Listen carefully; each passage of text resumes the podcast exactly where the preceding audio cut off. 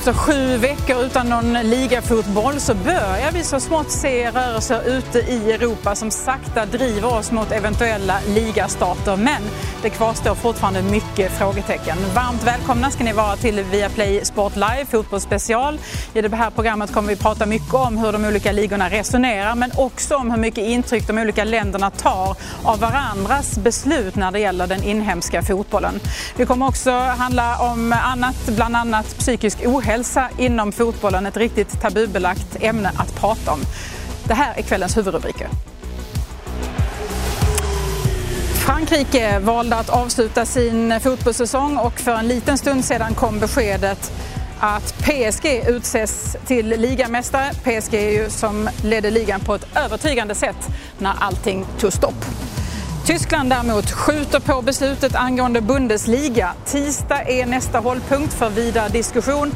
Ingen ligastart före den 16 maj.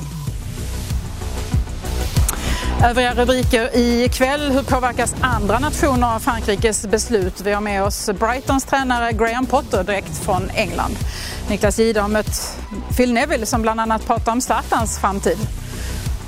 Ludvig Augustinsson ger oss sina tankar på situationen i Tyskland med besked som alltjämt dröjer. Och psykisk ohälsa växer inom fotbollen. Vi gästas av Peter Andersson som jobbar just med fotbollsspelares välbefinnande. Jag välkomnar in till oss. Här sitter Bojan och Martin och vill vi förstås eh, på en gång ha en reaktion på, på Frankrikes beslut där man eh, ju först valde att avsluta säsongen och sen har man utsett PSG som, eh, som ligamästare. Ja, jag tycker att det är... Um, ja, men det, är det är inte att PSG är mästare är väl en sak. Men, men att de har tve, tvångsförflyttat två lag, Amiens och Toulouse, det tycker jag är, för att citera Toulouse president, att det är maktmissbruk. Jag tycker det är helt förkastligt. Jag kan inte förstå hur man kan sätta klubbar, utsätta klubbar för sånt och supportrar för sånt. Utan avslutar man en säsong, då nollställer man en säsong. Inga segrare, inga förlorare och så får man spela med två lag till, möjligtvis nerifrån. Men, Nej, otroligt, otroligt märkligt beslut. Och, och, det är klart att sett i skenet vad som händer i världen just nu så är det väl en liten smal sak, självfallet. Men nej, jag, jag är ändå förbluffad över det. Mm. Och i Tyskland så väljer man då att skjuta på beskedet. Det var många fotbollsögon i Europa som var riktade mot Tyskland idag när Angela Merkel skulle samla eh, representanter från de 16 olika eh, delstaterna i Tyskland. Nu skjuter man på beslutet. Man säger att nästa möte hölls på tisdag och eh, nu pratas det inte längre om 9 maj utan 16 maj. Men jag är inte alls förvånad. Vi hade ju både John Guidetti och Robin Quaison med oss via Skype förra veckan och bara höra Robins oro när vi pratar om den 9 maj, att de har precis börjat träna, fortfarande ingen kontakt. Och hur ska du då återuppta ett spel när landet, även om de minskat sina restriktioner och har gjort det väldigt bra under den här krisen, har ju nu satt datum som 10 maj innan folk har kontakt med varandra på gatorna. Så det är helt rätt att skjuta upp det och jag tror inte att det Merkels beslut har någonting att göra med Macron. Det finns inte. Nej. Tyskland gör ju allting i sin makt för att det här landet ska stå på sina ben, kunna hantera den här krisen och när fotbollen återuppstår, att folk hittar det här ljuset i den här mörka tunneln. Fotboll är inte allt just nu, det är folks liv som står på spel. Mm. Då tror inte man påverkas av mm. vad de andra länderna väljer att ta för eh, beslut i sina ligor? Alltså, nej, eller det är klart att du, du pratar nu om graden av påverkan. För i allt vi gör här i livet påverkas ju varandra. Men, men jag håller med Bojan det han menar. Andemeningen är att, att Tyskland nog kommer fatta beslut utanför. Jag, jag, kan inte se att Tyskland, det skulle nog bli väldigt, väldigt mycket värre situation för dem om de ska ta samma beslut som Frankrike har gjort. Jag tycker det är mer intressant att vi pratar Fifa och Uefa. Det kanske vi kan återkomma till senare i programmet. Mm.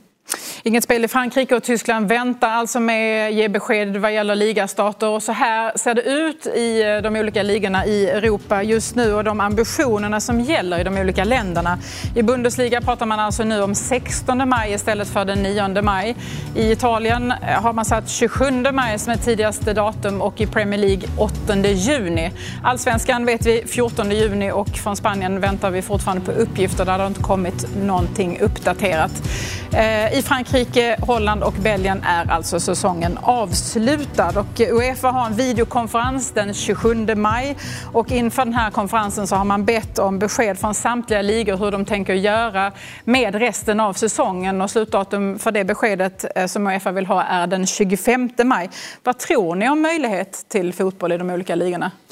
Ja, det sjuka är jag som älskar fotboll så mycket och inte stängt på det ett endaste dugg under min vardag. Jag vill bara att vi ska kunna resa oss, stå på benen och ha vår vardag tillbaka. Det är många människor som lider. Jag måste gå utifrån min egen bubbla. Ja, man, har, man, man har det bra ställt, man har mat på bordet, hyran är betald. Jag har fortfarande sitta här och prata skit och allt är frid och fröjd. Men det är inte så för många andra människors liv. Så vi måste tänka i ett större perspektiv än bara fotbollen. Såklart att den måste tillbaka, men inte till varje pris. Nej. Uefa, då, det här mötet eh, kommer ju naturligtvis komma upp Champions League och Europa League. Vad händer med de ligorna som, som stänger ner sina ligor? Frankrike har ju två representanter i Champions League, ja, de har bland annat. Ja, Uefa har ju tidigare hotat med att det kommer bli repressalier, att de inte får några platser i nästa års turneringar. Eh, och man fattar beslut utan att citera, citera deras, eh, hur de sa det var att man har ansträngt sig till det yttersta för att spela och det tycker jag inte man gör om man avslutar sina ligor redan nu. Eh, det kan man gott vänta med i sådana fall. Sen kan det bli värre. Jag menar, vi vet fortfarande inte för lite om det här. Allt tyder på att det borde gå, kan gå att spela. Vi pratar om en dansk undersökning som kom här i veckan. Den tycker jag låter rimlig. Jag, kan inte, jag är inte medicinsk expert på något sätt. Eh, sen måste man bära med sig. Uefas medicinska chef Timaya gick ut här idag var väl och sa, pratade om, för att Fifa har sagt att man inte kan spela nu. Men vi måste bära med oss att Fifa gör allt för att skydda sin landslagsfotboll. Det är viktigast för dem. Uefa har ju en klubbfotboll att försvara. Mm. Så att det är också ett maktspel här nu. Så det, man blir ju lite matt också att, att inte ens nu kan det låtas vara. Jag tror ju, och det borde vara möjligt att spela, frågan är hur man isolerar lag jag tycker att, Bojan pratar om, om en vardag.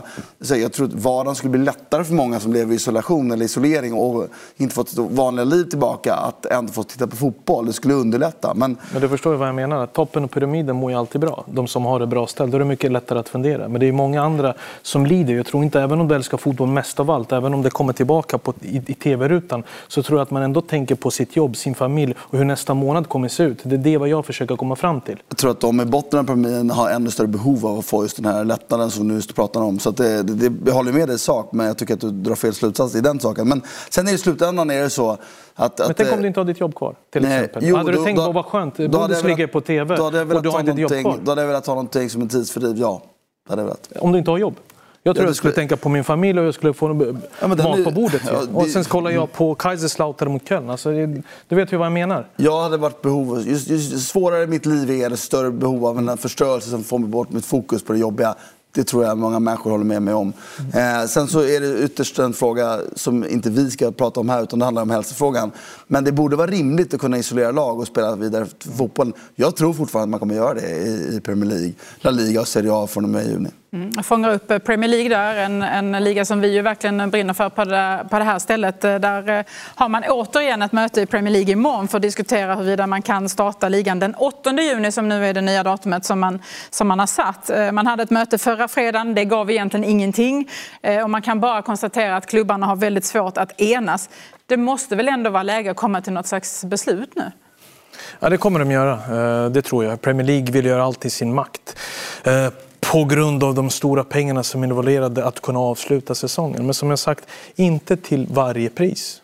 Inte till varje pris. Och endast 7 procent, du var inne på det också för några veckor sedan, står ju publikintäkterna för det klubbarna får in. Och det är ingenting, det är tv-rättigheterna, det är tv-pengar.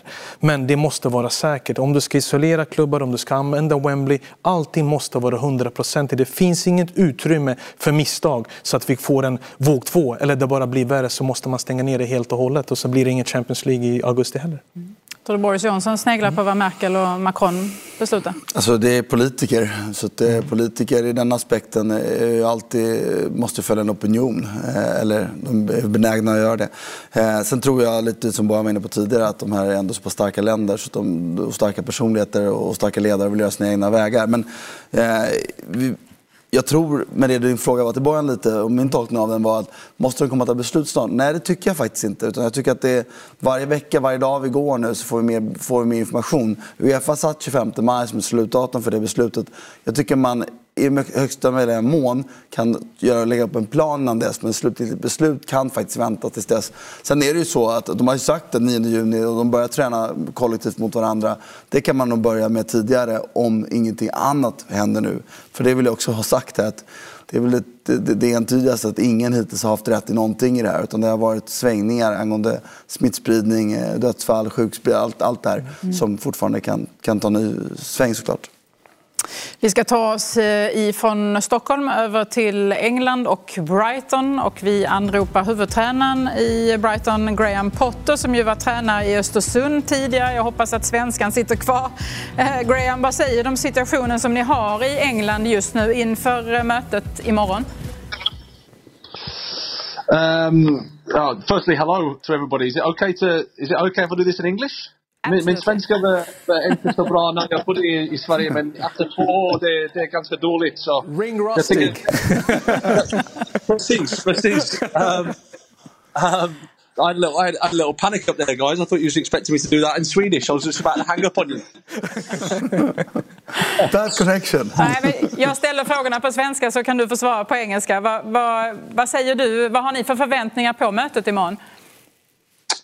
Well, yeah, I mean, we're not sure. Um, we know there's going to be a there's a big movement to start things up again, um, and they've got to make sure everything's safe in terms of the, those protocols. Um, you can imagine that the, on the one hand, from a Premier League level, um, especially when you consider the finances involved and just the, the, whole integrity of the game, from a sporting perspective, everybody wants the season to carry on, to, to, to finish.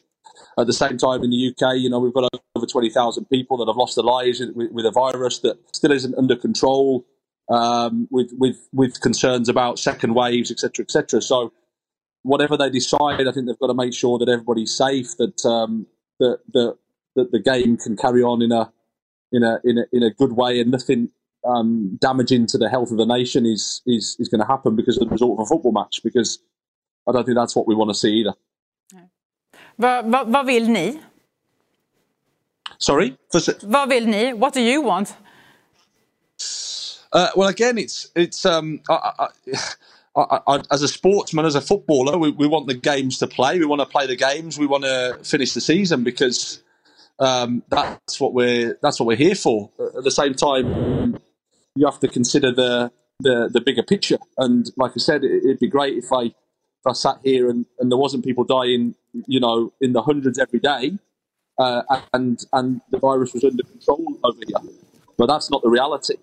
So um, I know they're speaking about closed doors, and I know they're trying to put protocols in. I, I just think it's going to be really, really difficult to to actually carry through. Um, and we need to make sure that if we are going to do that, that the players, that everybody around the, the game uh, are safe. We're not we're not spreading a disease because of a football match. Because, like I said, that's that's not responsible for us. Where are you at the moment when it comes to, to training sessions and so on? We're we're um, we're uh, we've opened up the training ground to um, players just so that they can use a space that's that's relatively safe. A lot of the parks, are, you know, there's people around, so we've we opened up this training ground. It's, it's voluntary. We're still in lockdown as a country, so we still have to you know observe social distancing and things like that. So um, it's voluntary in terms of uh, whether they're using running down, but they've all got their individual programs and essentially doing it in their own time at the moment. Um, we're waiting to see whether that can be escalated after the meeting um, tomorrow. Uh, see whether it goes into small groups and we can start to do a bit more, bring bring players in a bit more. But even then, there won't be any contact. I don't think there'll be any contact. There won't be any, real football work. It'll just be physical, you know, physical running basically. Yeah. How are your players uh, doing at the moment? I know a lot of players. When you don't have any any date to sort of uh, work towards. No, exactly. Um, it's diff- it's been difficult. It's um, at first I think the players were of course concerned with the the safety of themselves and their families and making sure that they observed everything correctly and then you know they tried to keep a regular routine, if you like, a bit of structure around their day, so that they've got some normality in a really strange situation. But as the time goes on, the dates get pushed back, the dates get pushed back, and they're normal human beings. They, they want to know, they want to start working towards something. But at the same time, they're all really um, aware of the bigger picture as well. That they don't want to go and force things if, if it's going to be harmful for the for the health of the nation. Graham, quick question. What's your personal feeling about this? I know it's hard because you're the manager of a football club. Uh, you are there in the league table where you shouldn't really be when you think about the football you played, not in results. But are the results in training sessions the most important thing on your mind now, or you're thinking about everybody else's health around?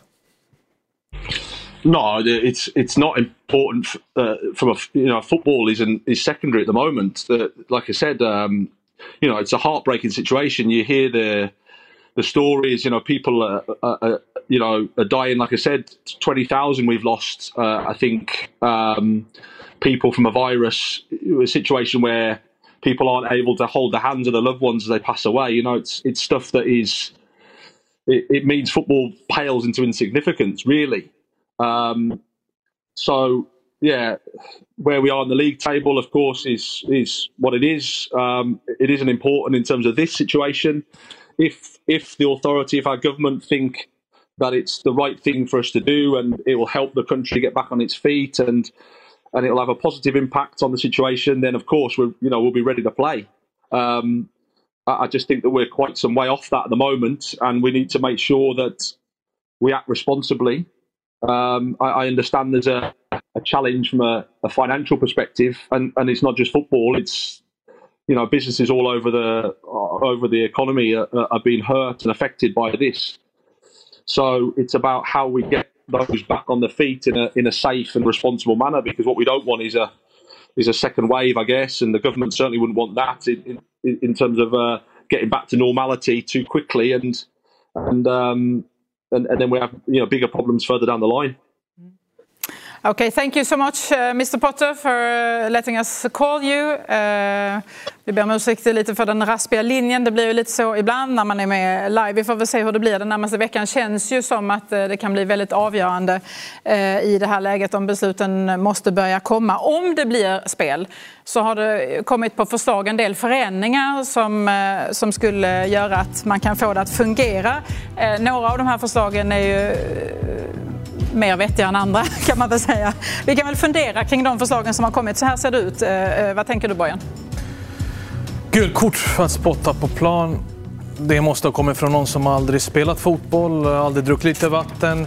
Fem byten istället för tre, det kan man ta. Men att ta uppmaning att inte ha fysisk kontakt vid hörnorna, då frågar man sig, är det ens värt att spela? Åldersrestriktionerna, Martin, för min del absolut rätt. De är som i riskgruppen, riskzonen, ska man eh, värna om. Och är du över 70 så behöver du inte delta. Men två av de här fem har jag verkligen svårt att se att någon som har spelat fotboll har satt dit. Jag bara instämma. Det, det är ju, då går det inte att spela. Alltså spotta på planen, det å andra sidan har jag väl förstått när man har läst lite olika eh, signaler och tolkningar av, av, av det. Men det, det, är lite som att närkontakt inte andas på varandra, men det går ju inte. Då, då, kan man ju inte spela. Nej. Vi ska eh, säga att det var ju lågt och högt i de förslagen också. Precis. Ja. Fem byten känns väl till och med ganska troligt att det blir om vi ska spela vidare här eftersom det blir väldigt många matcher på kort tid i sådana fall. Så för allas hälsa, inte, då pratar jag inte om den här övergripande hälsan utan då pratar jag såklart om bara den enklare fysiska hälsan och för skador för att, inte or för att orka spela. Speciellt mindre trupperna. Så att, eh, det är väl högt och lågt. Ja, vi kan väl titta hur det ser ut i England om det nu är så att det blir av att man tar upp säsongen igen. Då är det den här omgången eh, som väntar i så fall bland annat med ett möte mellan Everton och Liverpool. Det känns ju nästan märkligt att säga, sitta och säga och titta på en sån här omgång. Man tror nästan att det är för bra för att vara sant. Nej, och det, det är ju fortfarande som Patrik är inne på, mycket som ska falla på plats i form av som, det är mycket organisatoriskt som ska lösas. Eh, kan man lösa det så tror jag ändå att, att det finns en, en, en, eh, en, eh, liksom en lugnande effekt på, på, människor som får se någonting annorlunda, tänka på någonting annat. Men det måste ju såklart ske under säkra former. Mm. Tabellen Bojan, den ser ut så här eh, inför fortsättningen i så fall med Liverpool i solklar topp.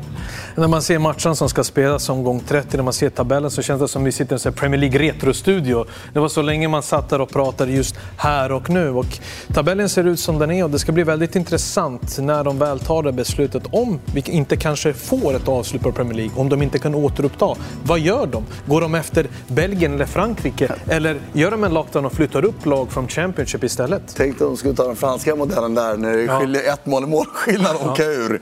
Det, Ja, det det, skulle det skulle vara- kännas ja, det- otroligt. eh, Då kan alla fallskärmar i världen inte Ja, men Sheffield. United är en match mindre spelad än Manchester United. De kan gå om dem vid fallet och sen stänger du bara den. Så vi får se vad som händer helt enkelt. Och det är alltid kul att sitta och snacka lite om saker man glömmer bort såklart vardagen. Jag håller med dig i det sättet. Men fotbollen just för mig känns ju väldigt, väldigt långt bort. Och det är sjukt att Bra man att säger kunna det. tänka tillbaka och minnas saker. Ja, det är det. Till exempel hur säsongen var i Premier League 1920. Martin, har du något guldkorn?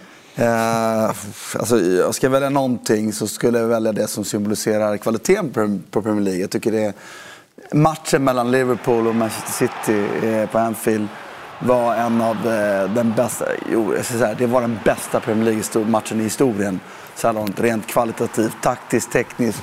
Framförallt Liverpool var ju inte taktiskt och tekniskt spelet bättre men i avslutslägena var de ju helt otroligt fantastiskt kliniska på ett sätt som man, när man ser de här retrosändningarna känner att det är då känns det som att det är faktiskt ganska nyligen det här, för det kan inte vara så länge sedan, det kan vara stor skillnad. Nej, det var en grym fotbollsmatch och, och, och det får man väl minnas som en slags välbak. Jag håller med Bojan om att det är sju veckor sedan, eh, det känns som att det är hur länge som helst sedan. Men det ska man också komma ihåg åt andra hållet då. Att det kan gå rätt fort tillbaka. Sju veckor, det har hänt mycket sedan dess. Bojan då? Ja, jag tänkte välja den här, så sa ju redaktionen att Martin Åslund redan valt match. Men då fick ju Martin mässet före, före mig. Men, Ålder. Ja, åldern är sagt. Man ska respektera de äldre. Men jag valde ju såklart Leicesters cross borta mot Southampton. Det var helt overkligt. Det är säker match på måltipset. Men den slutar 0-9. Och den utspelningen och chanserna. Och jag sitter hemma vid 08 Martin, jag tror det var 84 och 85 minuten. Och då sitter jag som en tioårig pojke och skriver efter 10. Upp i 10 nu, det ska sluta 10-0. Men det Tänk att vi slutade bara. olika även där. För är, jag sitter ju bara och ser den här matchen och tänker, det här är ju det här är barmligt. Jag vill inte se sånt här i en serie. Det ska inte kunna bli 9-0. Det är därför vi kommer bra överens. Vi är olika men ändå hittar vi ett gemensamt språk. Men jag hejade för 10. Men Jag tänkte inte synd om Southampton. Jag tänkte, är ni så här dåliga framför era hemmasupportrar? Visar ingen glöd, ingen vilja. Utan ni låter bara var det står där fri när det blir 06-07. Då förtjänar ni det här. Uff, det här är ett dåligt minne för mig. Är det? Ja, Men jag gillade också hur. Southampton repades efter det här. det det är inte många tränare som kan motivera en trupp efter 0-9 och sen börjar de hitta rätt. Och Varys mål kom i 90 plus 4 så jag var besviken på 0-9. Så de stagnerade Uniteds 9-0 mot Ipswich då när Cole gjorde 5 1995. Tack för de eh, minnena. Vi ska nu eh, gå och ta vägen över Nordsjön igen till England från Stockholm och Manchester. Niklas Gide har eh, pratat med Phil Neville som numera är förbundskapten för Englands damlandslag. Han har spelat 20 säsonger i Premier League, vunnit ligan sex gånger, tre gånger fa Cup-mästare och vunnit Champions League 1999. Numera är han förbundskapten för Englands damlandslag. Det är såklart Phil Neville jag pratar om och med här. Phil, how are you doing at this time? I'm good. How are you? Yeah, it's good here in Sweden also. It's okay, we can say. Tell us a little bit about the life you have now in England under this uh, corona epidemic. Well, I think I think England, like probably most of the world, uh, we've been in lockdown now for. I've been in lockdown now for five weeks. I came back from America from a tournament in America, and uh, there was obviously uh, in America there was outbreaks of the coronavirus. So so I've been in quarantine for five weeks. Uh, I think in in the life of a football manager or as a football player or a football person, we we get no time whatsoever during the calendar year to spend as much time at home. Uh, so I think I think I've loved I've loved the fact I've been able to spend so much time in the family. We, we, we've kept isolated as a family, but ultimately I think there's great sadness that what's happening in the world. It, it's a weird situation. People are dying. People are suffering. The economy is suffering. Uh, and it's not just one country; it's it's the it's every country in the world. And uh, I think I pray every day that this situation can get better and we can get out there. And I think on a lighter side, I think I think before the lockdown, I think we took football for granted, and I think from mm. now we would we would do anything just to get out there and watch football and, and get some happiness back on the faces of everybody in the general public. Yeah, and you, as you said, you've been playing with a lot of Swedish players, and you've been coached by Swede also. Sven-Göran Eriksson, when you played in the national team. Describe Sven to us. I, I love Sven. I love my time. Uh, with Sven Goran Eriksson. He taught me a different way of management style. I, I, I spent a large part of my life being managed by two Scottish player uh, managers, David Moyes and Sir Alex Ferguson. Similar characters in terms of the way that they like to coach. I think with Sven, I think it, it taught me another way of, of, of, of, managing. Very soft, very calm, respected his players, allowed his players to to be responsible, to make their own decisions, uh, and was a fantastic man manager in terms of the way that he spoke to you. He had a great manner about him. The bigger the game, his mood never changed. He had this calmness, this class. He looked a million dollars. He always had a suit on, and I thought he had a real. He was a real class act, uh, and I learnt an awful lot from the way that he did uh, coach that England time at that time. Yeah, I can understand that. But if we go, go back to the, the players that you played with or seen in the Premier League, the Swedish ones, I mean, it's uh, Henrik Larsson, Fredrik Ljungberg, Olof Mellberg, and of course Zlatan Ibrahimovic. If you would yeah. rank them, how would it be? One to four? You forgot Jesper Blomqvist. You, you forgot Jesper, Jesper Blomqvist. Ah, who, yeah, of course. Was my? He was a close friend. Uh, he played played left wing. I played left back. We got really close. Uh, was a brilliant player for Manchester United. Played in the Champions League final in 1999 and uh, went on to play for Everton, my next club. So we've had some really really good uh, Swedish players. I think my favourite was after Jesper because if he's watching this program in Sweden, I've got to say Jesper was my favourite.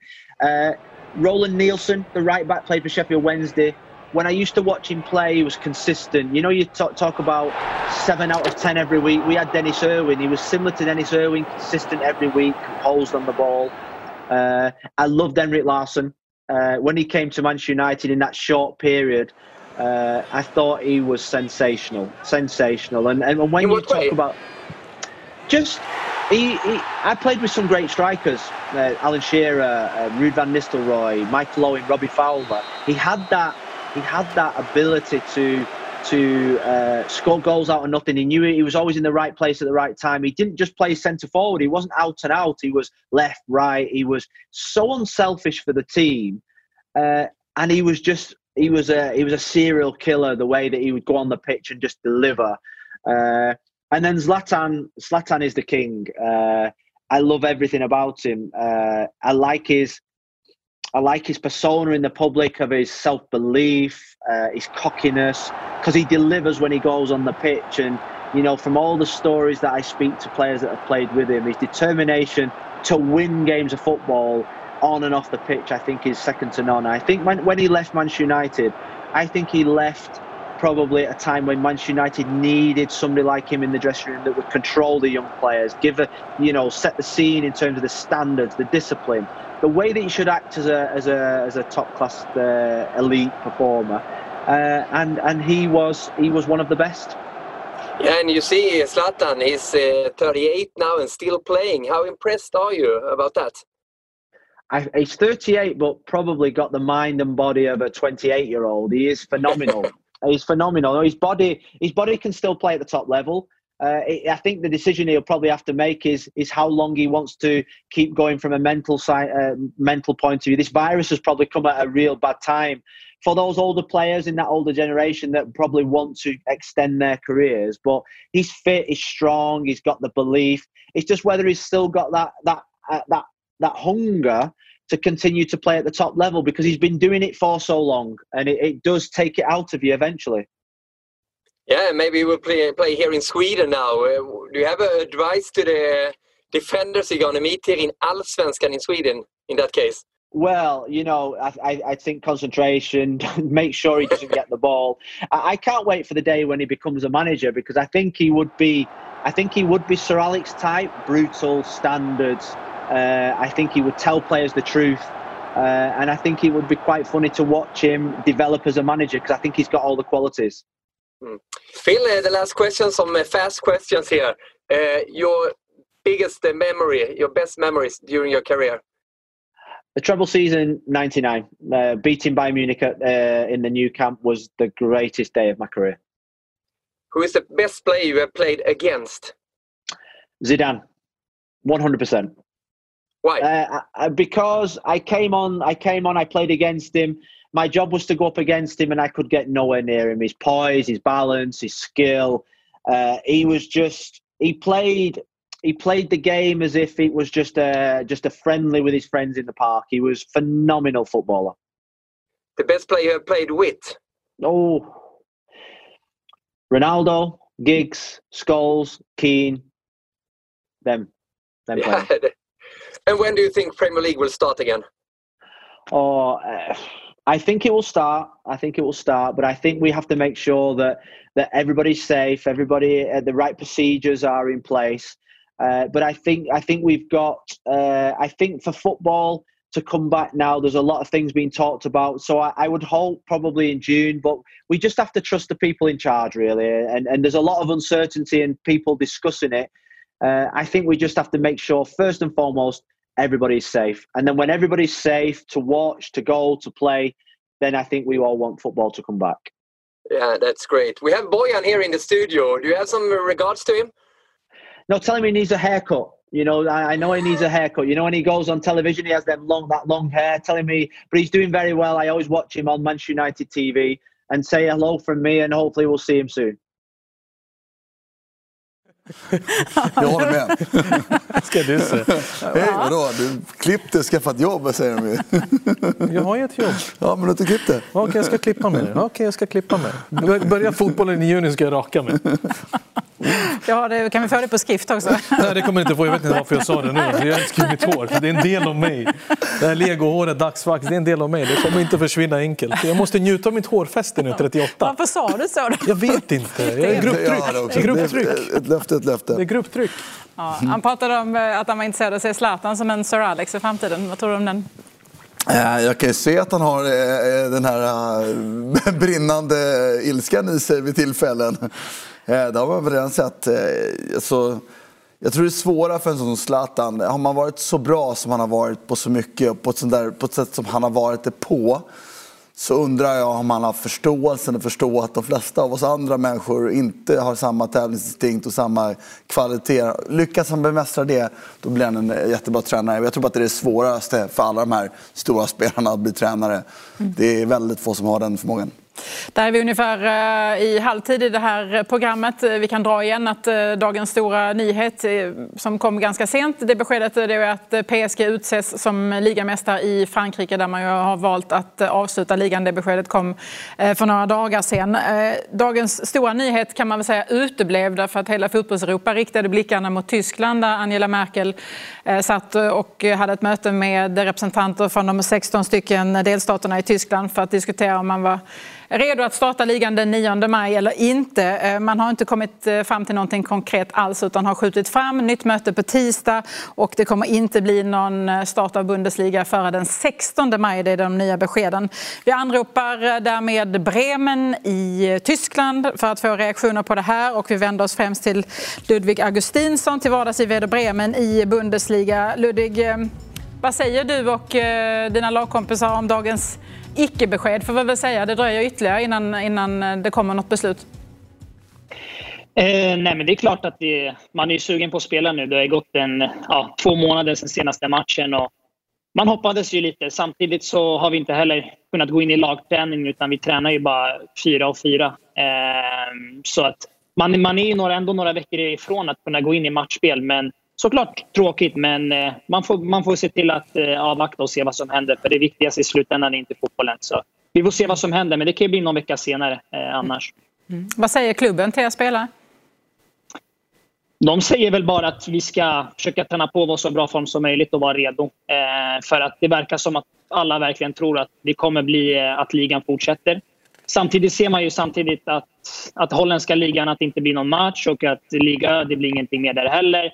Så då börjar man ju undra själv också. Men det verkar som att de har planer och som kanske kan funka. Men vi får ju se, se vad, ja, vad regeringen säger här om, om några dagar igen. Mm. Du säger ni, på, ni tränar i smågrupper.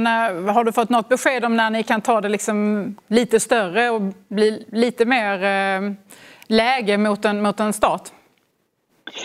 Nej, men vi hoppas väl egentligen vi hoppas väl egentligen någon gång under nästa vecka, tror jag. För att ska vi kunna spela Bundesliga den som kanske var planen till början den nionde eller veckan senare den 16 då måste vi komma igång med lagträning och kontaktspel. Eh, nu tränar vi ju bara fyra och fyra och man har ju två meters avstånd varje gång så att det är svårt att få det här duellspelet och, och bygga den här sista fitnessen som man behöver för match. Men, men jag tror vi alla hoppas att vi kan komma igång så snart som möjligt så man inte drar på sig för mycket skador eh, under den här perioden.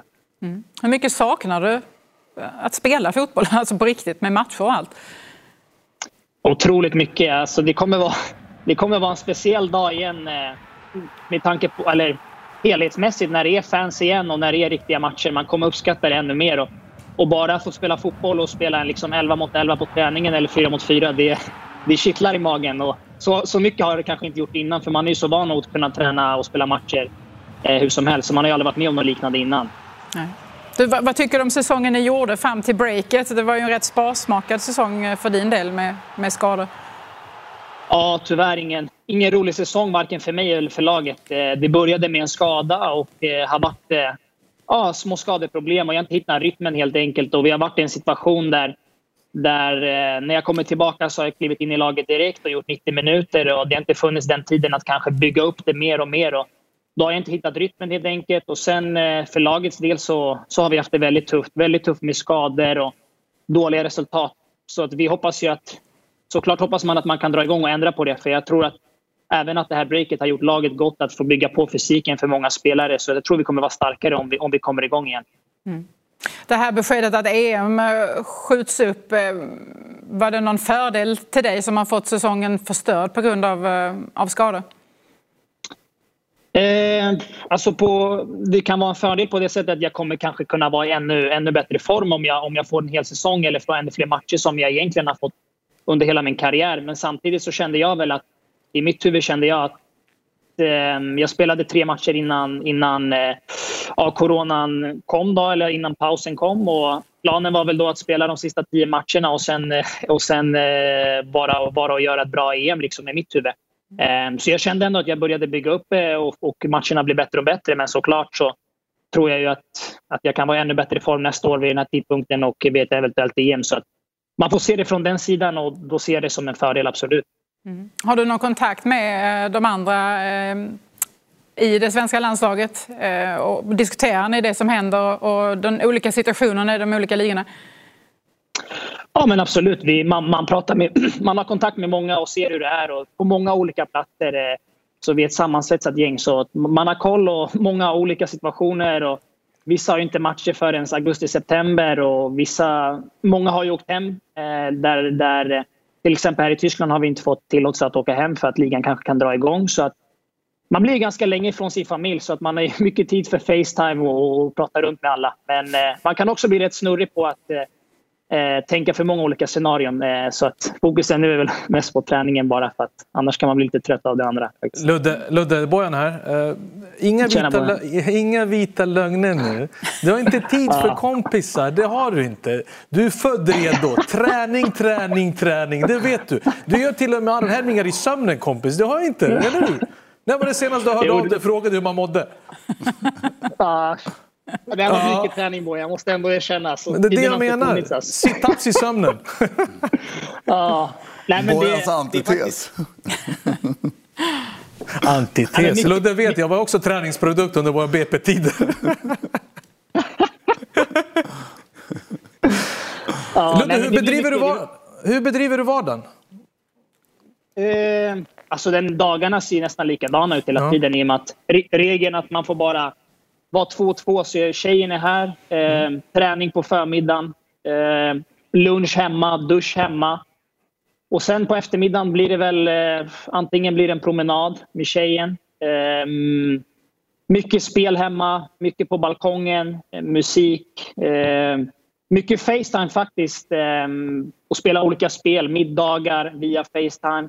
Försöka utnyttja det och prata med familjen. Och så, såklart mycket återhämtning hemma för att vara redo för nästa dag. För att Även, även om eh, det inte är några matcher så tränar vi riktigt hårt. Och för många dagar har vi i veckan, i alla fall två, tre, där vi, där vi försöker efterlikna en match med, med liksom antalet löpmeter och sprint. Så det är ganska tufft, så buggarna behöver, behöver återhämta sig hemma också. Faktiskt.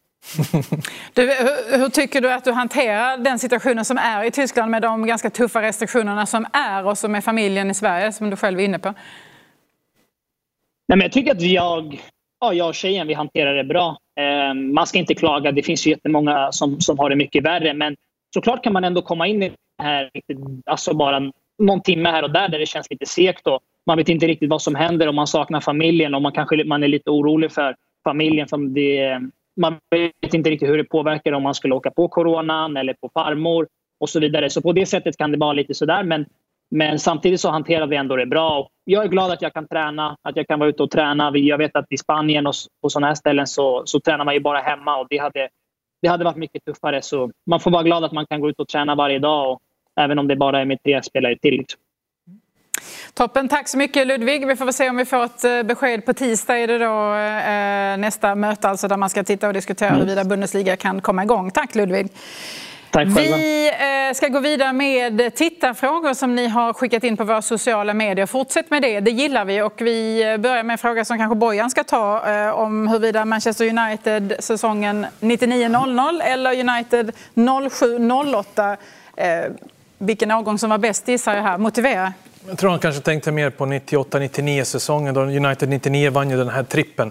Även 0-0 var ju laget vann ju Premier League men inte Champions League. Jag säger laget 99, det går inte att få det mittfältet och det perfektionen med Beckham ute till höger, Giggs till vänster, Roy Keane och Paul Scholes centralt. Och så hade du Andy Cole och Dwight York. De var en världsspelare ihop. De två gjorde varandra så mycket bättre, var helt fenomenala i sin attityd, kvalitet. Och när det inte funkade för dem, jo men då bara stoppa in Teddy Sheringham, Ole Gunnar Solskjaer så avgör vi på Camp Nou och slår Bayern München. Så nej, jag säger laget 99 utan Jag håller inte med. Du håller inte med? No, Nej. Och, och det du får gärna motivera. jag är förvånad att du inte håller med. Jag är väldigt förvånad att du inte håller med mig. Jag tycker 0708 var bättre. Jag tycker de hade, inte samma robusthet, men det var en större flärd i laget med spelare som Ronaldo, Tevez och slänger Luisa. Det var mer fotbollsspelare. Giggs och Scholes var fortfarande kvar. Så, Scholes var ingen fotbollsspelare? Ja, men han var ju med i båda lagen. Ja, men det gör man ju. Pratar men, du på pratar prime? Vi om, pratar vi om eh, Beckham och, och Giggs på kanterna mot Giggs och Ronaldo så håller jag absolut Giggs och Ronaldo som högre. Så jag tycker det är, men det är två väldigt bra lag. Jag väljer 0708 dock. Treble, inget slår det där. Oväntat att ni tycker olika. Ja, verkligen vi... oväntat. Jag tänkte någon gång kommer han hålla med mig. Nej, även nu så ska han säga emot. Vi tar en tittarfråga till och nu gäller det eh, den franska ligan. Vad säger ni angående att eh, ligan har ställts in? Ska du ta den Martin? Ja, det kan jag väl göra. Eh, jag tycker som sagt att, en liga kan man ställa in, men då får man inte uttala någon vinnare och inte en uppflyttning eller nedflyttning. En inställd liga är ju ingen färdig liga och vinner man ligatitlar ska man ha spelat en liga färdig. Eh, jag tycker det dessutom verkar lite märkligt att, att ta beslut redan nu. Jag tycker man absolut kunde väntat lite längre på det beslutet att fatta. Men ställer man in det, då vinner ingen, ingen åker ur och ingen går upp. Då är det ju en liga som alla har spelat. Nästa fråga är också eh, inne på samma ämne. Det kan väl vara aktuellt eh, just när man tittar på England som ju har en eh, solklar ledare i Liverpool och så såg det ut i PSG, för PSGs del i franska ligan också. Bojan, om ligorna ställs in, ska det utses en vinnare eller inte? I Premier League tycker jag definitivt att det ska utses en vinnare. Liverpool leder ligan med 25 poäng, det är 27 poäng att spela om. De har varit helt suveräna. Att ta ifrån dem tycker jag det skulle vara lite väl hårt. Men då ska inga lag åka ut utan man ska utöka det och flytta upp de här två lagen som ligger närmast i Championship. Mm. Vi tar en uh, sista tittarfråga till. Sociala medier är det alltså som gäller om ni vill skicka in frågor till herrarna i studion. Kristoffer Jansson undrar vem ni hade som förebild innan ni blev fotbollsproffs. Martin? Ja, efter alltså när man blir vuxen tappar man väl kanske lite det. Eller... Men innan du blev du inte fotbollsproffs nu? Innan? Ja, nej, nej, men jag tänkte säga det att, att alltså förebilder blir en annan sak när man blir Men min idol när jag var yngre var ju såklart Maradona. Det var ju liksom en tid när det inte fanns någon annan att se upp till. Eller ja, det finns väl massor, men han var ju så outstanding. Mm. Eh, sen kan man ha förebilder och, och i, förebild för mig handlar det kanske mer om en person. Mm. Och den personligheten Maradona var, eh, Alltså, det finns förklaringar till att personen blev som den blev, givet det liv han levde. Men, men då var inte Maradona en förebild. Då hade jag kanske mer, eh, alltså, fick vuxen ålder Tommy Söderberg som en förebild, alltså Lagerbäck som förebilder som ledare och pappa såklart. Mm. Ja, pappa är alltid med på den listan, men eh, jag hade Dragan Pixi Stojkovic. Och för de yngre generationerna kommer att tänka, vem är Dragan Stojkovic nu? Det finns i Youtube, tryck in en snabb geni, spelar Röda Stjärnan. Men heller ingen bra människa som förebild, men nej, en grym spelare. Stojkovic, nej, men det, han, han skötte sig betydligt bättre utanför plan till exempel än vad Maradona gjorde. Men han var ett geni, det var Dragan Stojkovic. Då så eh, ska vi säga tack till Martin för att eh, du var med oss idag. Om en liten stund så ska vi få besök av eh, Peter Andersson som idag jobbar med mental träning inom fotbollen och som gärna betonar vikten av att må bra för att prestera bra. Och det leder oss osökt, osökt in på det här med psykisk ohälsa, något som växer inom fotbollen. Vår reporter Claes Andersson har varit och träffat Beatrice Clark på Svensk Elitfotboll som tillsammans med eh, Karolinska Universitetssjukhuset ska utreda hur pass utbrett det faktiskt är inom svensk fotboll. Mm. Jag tror att man har en förväntan ibland att våra elitfotbollsspelare är maskiner och är sådana förebilder som inte kan bli drabbade av exempelvis psykisk ohälsa. Men i slutet av dagen så är ju våra spelare, våra klubbare, består av vanliga människor som kommer med olika erfarenheter och bakgrunder. Eh, så det är såklart att psykisk ohälsa drabbar oss också. Svensk Elitfotboll och Karolinska Institutets Centrum för psykiatriforskning ingick i början av april ett avtal om att kartlägga psykisk ohälsa inom elitfotbollen i Sverige. Målet är att man i framtiden ska kunna tillsätta metoder och utbildningar för att förebygga psykisk ohälsa inom svensk fotboll. Vi eh, träffades redan i september 2019 eh, och började prata med Karolinska Institutet och ett samarbete för att inventera psykisk ohälsa. Eh, I våra elitfotbollsklubbar som tillhör allsvenskan och superettan. Eh, och bakgrunden är egentligen att jag redan 2016-2017 eh, jobbade med en värdegrundsutbildning kopplad till svensk elitfotbolls uppförandekod. Och i den utbildningen så jobbade vi med en övning som heter situation, beteende, konsekvens. Och där kunde jag redan då identifiera olika typer av situationer kopplat till skada eller relationer i grupp gruppen eller sin relation till tränaren. Även utanför fotbollsplan eh, kopplat till privata relationer, familjeförhållanden, uppväxtvillkor som kom fram i, i utbildningen. Av det ni vet, hur eh, ter sig de här symptomen om man, om man lider av eh, psykisk ohälsa? Ja, men vi började att titta på redan när jag var konsult i svensk elitfotboll egentligen fyra områden och där hittade vi material eh, från den internationella spelarföreningen där Sverige också är med, FIF Pro. Och där hade man kunnat identifiera fyra stycken områden. Ett område är skada, två områden handlar om relationer Dels relation till dina lagkamrater, dels relation till tränare och klubben.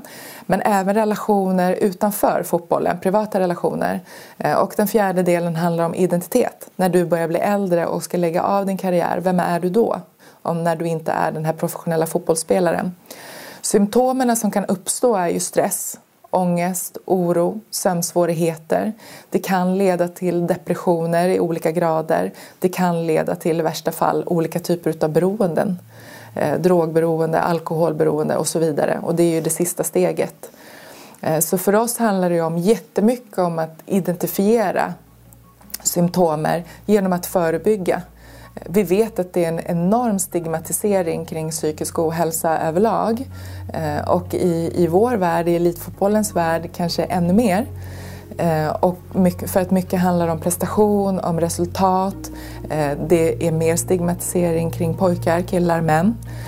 Och nu har vi ju en fantastisk möjlighet utifrån att det är fler och fler spelare som börjar våga öppna upp och prata kring det här. Så att de förebyggande insatserna kommer ju vara oerhört viktiga. För jag tror att det största steget är att våga börja prata och skapa trygga rum kring att prata om de här frågorna.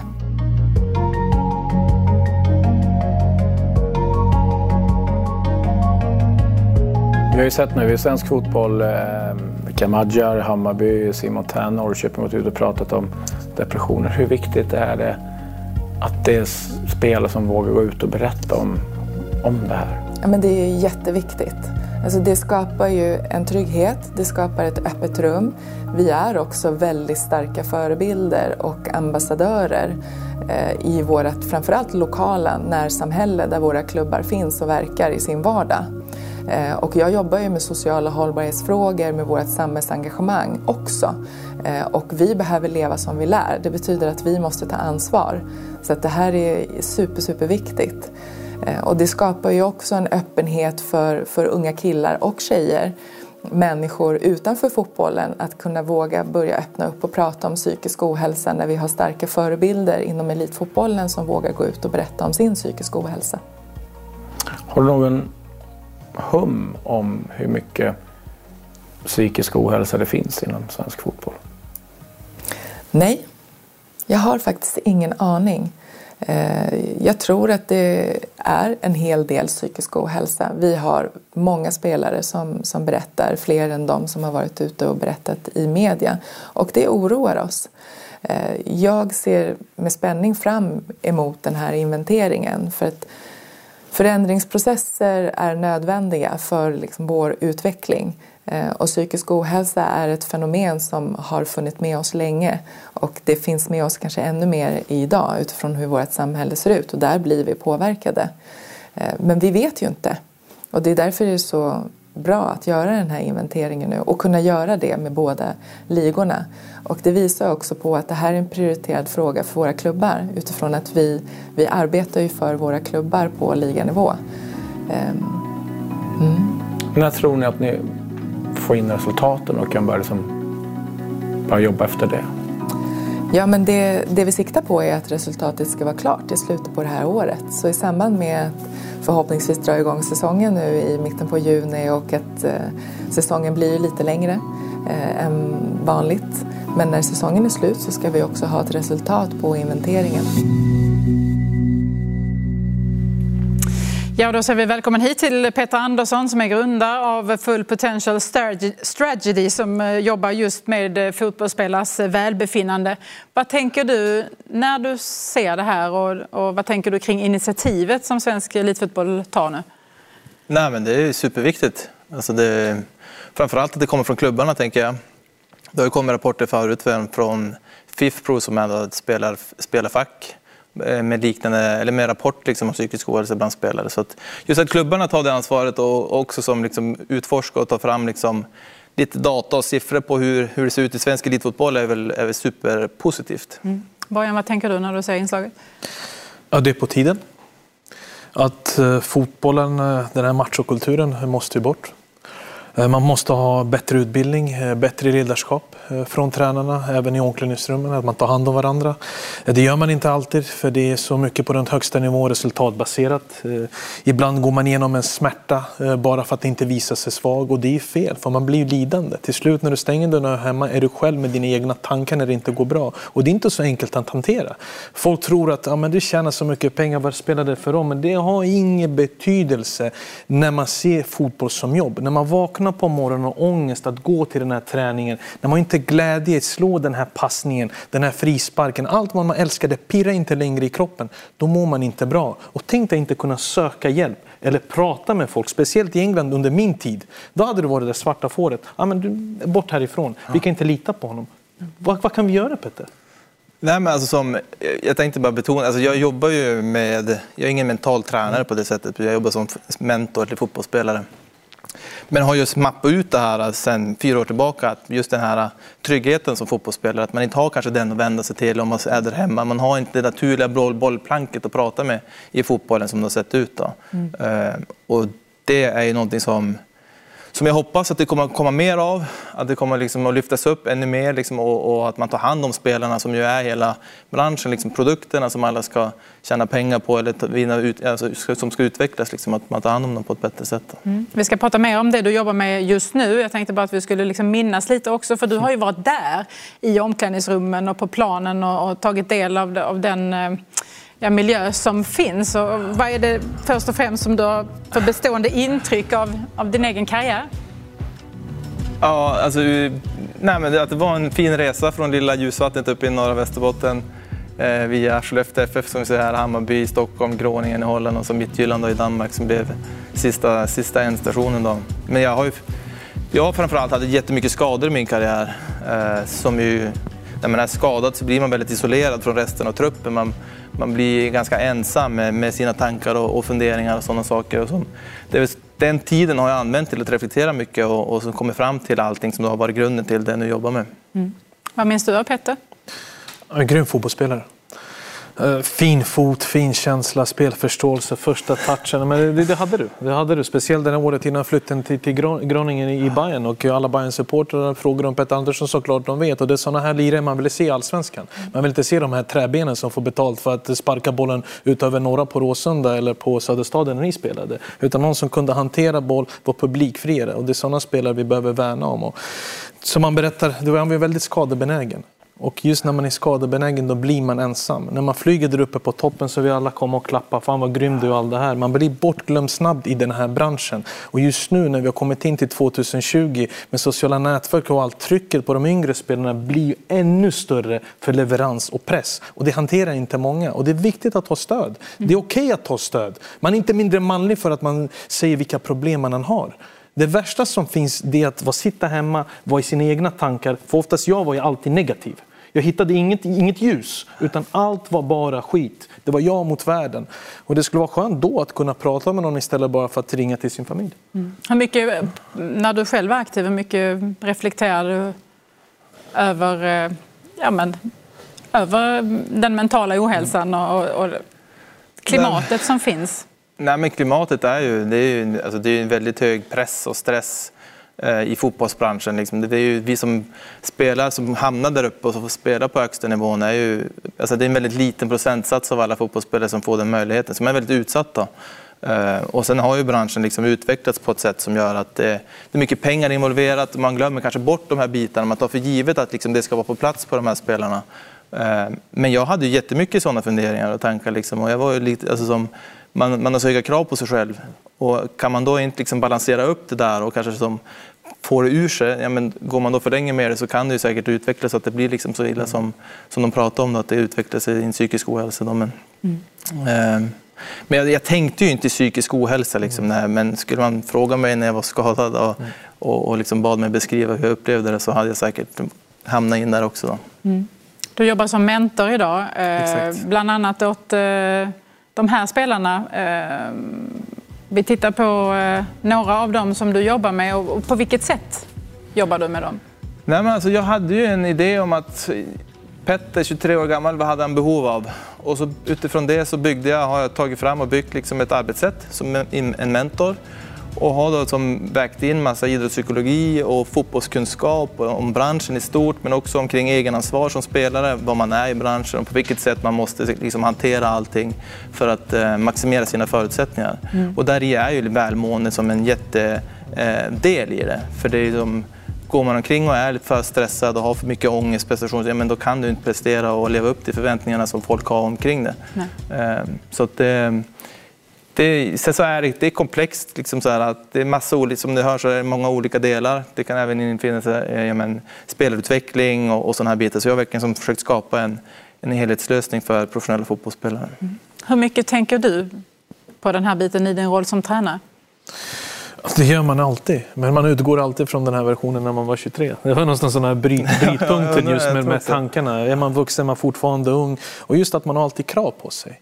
Det var inte bara att man var en i mängden utan det förväntades hela tiden att man skulle leverera. Och när man till slut insåg att på grund av skador och allt som händer, jag kommer inte komma upp till den här nivån. Då börjar man äta sig själv inifrån. Och då försöker jag, även vilken nivå än vi är på nu, att förmedla till grabbarna att vara mer en pedagog än en tränare. Att få dem att må bra, veta vilka man kan vara hårdare i ton med, veta vilka inför en grupp vill inte höra kritik, man tar dem åt sidan. Och det är så du bygger ett lag. Och då tänker de att ha mer förtroende för det nästa gång. För många bedömer ju alla, med det är en grupp på 25 stycken, då kan jag kritisera vem jag vill här inne, för det här är mitt, min klubb, det är mitt lag. Men många unga spelare hanterar inte, även om vi pratar om allsvenskan till division 4, det skiljer sig inte. För de vill ändå prestera när domaren blåser i pipan när det är matchdags. Mm.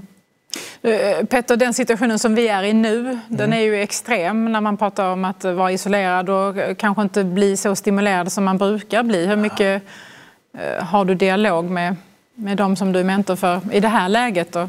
Pratar ni mer nu än vad ni gör under no, normala omständigheter? Både ja och nej. Det beror lite grann på vem, individ, alltså som vem man är. Det är olika, alla olika behov.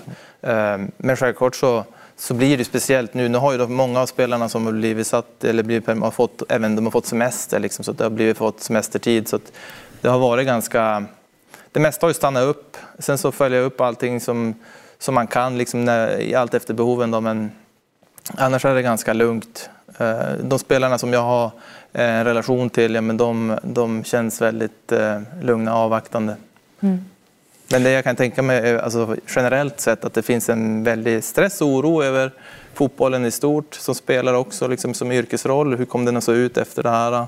Vad innebär det för mig som har ett utgående kontrakt? Och sådana bitar. Så det finns ju massa, massa orosfaktorer. Då. Mm. Hur viktigt tror du att det är, som vi såg i inslaget, att andra stora profiler vågar gå ut i, i tidningar och i media och, och, och prata om det och belysa eh, Eh, bely, belysa problematiken som ju finns men som ju det finns någon form av tystnadskultur kring. Ja, nej, men det är superviktigt. Det är väl det, det absolut eh, bästa och viktigaste vi kan göra som aktiva spelare och verkligen som tar den bollen och, och driva den frågan tillsammans med SEF-klubbarna, tillsammans med, jag menar, med spelarföreningen som också driver de här frågorna. Och för det är någonstans vi som spelare som är som Beatrice var inne på i inslaget, att vi är förebilderna för den yngre generationen. Så det går liksom att bygga en ny menar, en ny eh, norm liksom, och, och, kultur i fotbollen. Så mm. det, det, är superviktigt och väldigt, väldigt positivt att, de, att det är fler och fler som kommer. Mm. Jag vet att du har inlett ett samarbete med Marcus Rosenberg nyligen. Exakt. Också. Mm. Vad går det samarbetet ut på? Och vad vill ni få ut eh, av det? Det är inte paddel. Det är inte paddel. Nej, det är inte paddel. Nej, men Marcus han eh, hade, valde att gå och bli agent. Mm. Och han tror också jättemycket på den här biten. Han har precis slutat sin karriär och vill att alla spelare liksom ska eh, ja, men jobba mot tillsammans. Jag ska hjälpa dem liksom med min tjänst och jobba med dem utifrån det jag har byggt upp under mina år. Så där har vi verkligen hittat varandra i form av liksom vad vi tror på är vägen framåt. Mm. Vad har du för vision som du jobbar mot? Oj, ja, den var väldigt högt ställd. Ja. nej, men på, på, nej, nej, men på något sätt var alltid som, på något sätt att förändra branschen fotboll till det bättre för fotbollsspelarna. För jag upplevde det själv som spelare att det var någonting som gjorde att jag inte fick ut det lilla sista. Och jag är nyfiken på att se liksom vilken effekt man kan få när man kan tänka lite annorlunda och få liksom en, en möjlighet till att göra det och se vad effekten blir av det. Mm. Hade du behövt en mentor när du var aktiv? Hade det hjälpt dig? Ja, det hade det nog gjort. Sen är frågan när jag var så pass ung, hade jag godtagit det? Mm. Eller hade jag erkänt eh, det jag känner nu då? Det tror inte jag på. För det är ingen som skulle säga till mig hur jag skulle sköta mina saker. Utan jag ville vara själv. Jag ville inte blotta mig för någon. Och det var den kulturen jag levde. Utan det är mina problem. Jag hanterar mina problem. Så ses vi ute på träningsanläggningen. Petter? Tack så hemskt mycket för att du kom hit och gästade oss. Programmet är slut för idag. Eh, Bojan, vi vill gärna påminna er om Premier League-studion Retro. Eh, på lördag klockan 15.30 ser ni det i Viasat Sport Premium och på Viaplay och F1 Depon live söndag klockan 15.30 i Viasat Sport Premium och på Viaplay. Nu önskar vi er fortsatt trevlig valborgsmässoafton på återseende.